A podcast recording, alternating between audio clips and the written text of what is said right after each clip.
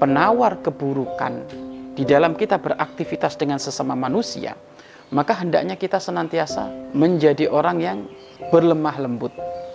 Jangan mudah terprovokasi, jangan mudah termakan emosi, jangan mudah termakan isu-isu yang gak benar sehingga keburukan harusnya kita balas dengan kebaikan, harusnya kita balas dengan kelembutan, akhirnya malah semakin menjadi-jadi sehingga akan ada pertikaian, mungkin ada juga perkelahian, mungkin ada juga tegur sapa yang gak karu-karuan. Nah ini karena berangkat respon kita ini adalah tidak baik. Sehingga kita harus ngerti responsif dengan reaktif itu beda.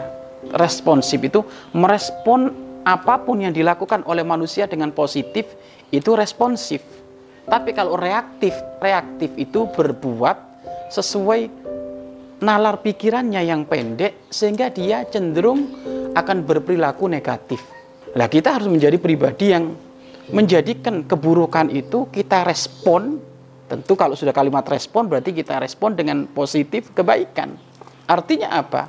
Biasakan kita ini jangan kecil hati dengan satu dua orang yang membuli kita, satu dua orang yang jelek-jelekin kita, satu dua orang tiga orang yang memfitnah kita, nyantai saja.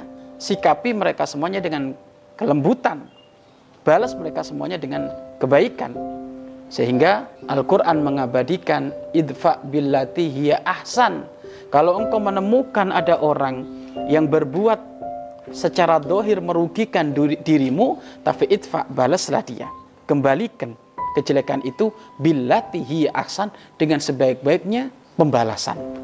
Maka dari situ nanti yang tadinya sifat buruk yang ditampakkan oleh mereka, karena kita membalas dengan kebaikan, maka yang ada saat itu akan menjadi persahabatan, menjadi keindahan.